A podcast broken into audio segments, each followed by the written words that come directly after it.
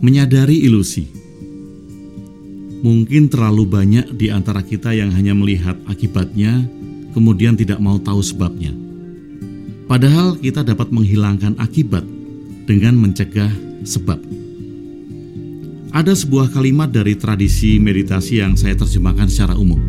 Kalimatnya demikian.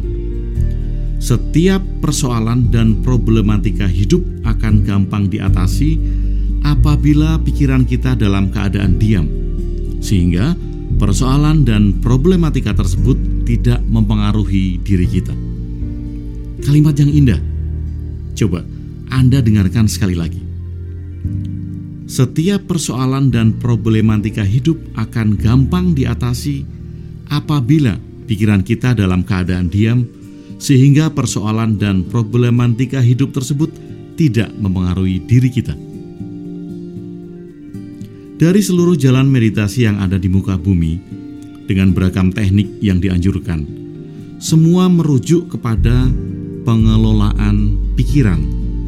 Ya, pengelolaan pikiran. Nah, padahal kalau kita tahu tentang hipnosis juga merujuk kepada pengelolaan pikiran. Kalau demikian apa bedanya antara meditasi dan hipnosis? Oke, bedanya adalah terletak pada batas pengelolaan tersebut. Meditasi mengelola pikiran untuk melampaui pikiran itu sendiri. Sementara hipnosis mengelola pikiran untuk memberdayakan dan memanfaatkan pikiran bagi pemberdayaan diri. Jadi Anda cukup jelas bedanya antara meditasi dan hipnosis. Yang satu mengelola pikiran untuk melampaui pikiran, yang satu mengelola pikiran untuk memberdayakan dan memanfaatkan pikiran bagi pemberdayaan diri seperti sebuah tangga yang jernih. Apabila airnya tenang, tidak ada riak, dan endapan tanah di bawahnya tidak tersebar. Telaga yang jernih tersebut menjadi buram, keruh, karena airnya beriak, bergelombang sehingga endapan tanah di dasarnya terangkat ke atas. Nah, pikiran juga demikian. Ia akan menjadi cermin bagi setiap peristiwa yang hadir ketika ia tenang dan stabil. Seluruh peristiwa yang hadir akan terlihat dengan jelas dari permukaan pikiran yang tenang, sehingga bagi diri yang dapat melihat kejelasan sebuah peristiwa tersebut dapat memungut pelajaran-pelajaran yang berharga yang dilihatnya. Pikiran yang bergelombang adalah gambaran dari pikiran yang tidak stabil sehingga setiap peristiwa yang hadir akan mempengaruhi diri dan menganggap bahwa diri ikut hanyut dalam peristiwa tersebut, dan diri juga ikut terlibat, bahkan menganggap bahwa diri adalah pelakunya. Bila pikiran adalah cermin, artinya adalah semua hal yang terjadi, peristiwa yang ada hanyalah dipantulkan lewat sebuah perantara yang dapat kita lihat kita semua sedang mengalami ilusi persepsual. Ilusi ini akan tampak nyata apabila kita telah memisahkan antara kita sebagai yang melihat peristiwa dengan peristiwa yang kita lihat. Jadi, setiap peristiwa itu ada ketika ada yang menyaksikan. Oke, saya kasih contoh. Contohnya, saya mengalami peristiwa sedih karena saya kehilangan pekerjaan saya okay? Nah, sedih adalah sebuah akibat dari sebab kehilangan pekerjaan. Ketika saya menyaksikan dan tentu saja mengalami kehilangan pekerjaan, maka saya sedih. Sedih tersebut muncul karena saya menganggap diri saya terlibat, diri saya hanyut pada peristiwa tersebut, yaitu peristiwa kehilangan pekerjaan. Nah, sekarang bagaimana kalau kita berhasil mengambil jarak antara diri yang menyaksikan peristiwa dan peristiwa yang terjadi. Saya menyaksikan bahwa saya tidak terlibat di dalam kehilangan pekerjaan saya. Pengambilan jarak inilah sebuah penyadaran tentang ilusi persepsual. Pada kondisi ini, maka peristiwa tidak dapat memengaruhi diri walaupun kita belum dapat melihat secara utuh sisi-sisi peristiwa tersebut. Setidaknya, diri sudah tidak terpengaruh oleh peristiwa.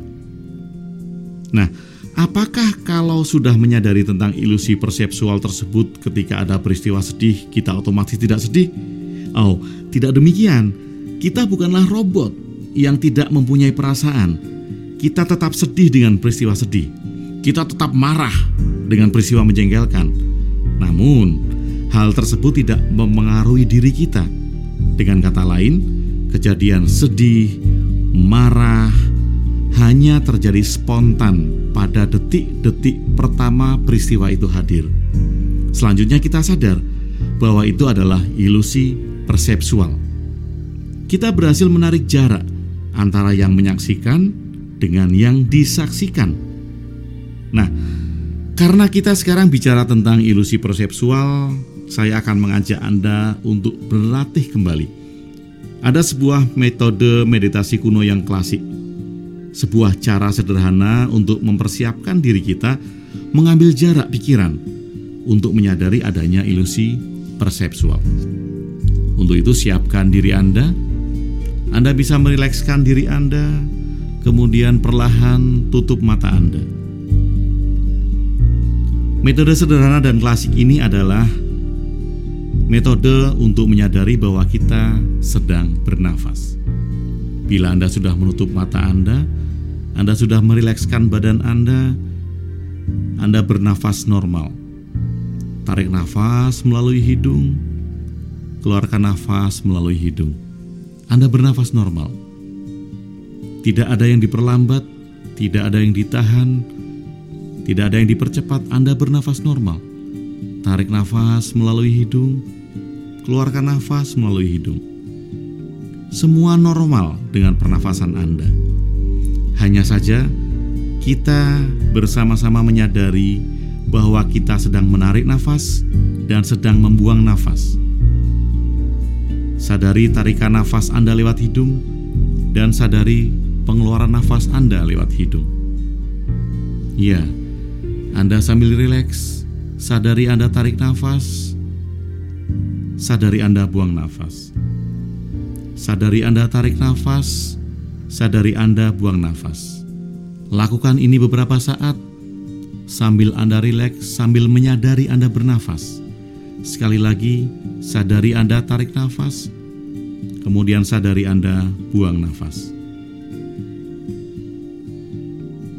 Ya, kesadaran tentang keluar dan masuknya nafas ini yang akan menghantarkan Anda kepada penyadaran tentang pikiran Sepanjang hari dalam satu hari ini, ketika Anda mendengarkan sesi audiobook ini, sadari proses pernafasan Anda.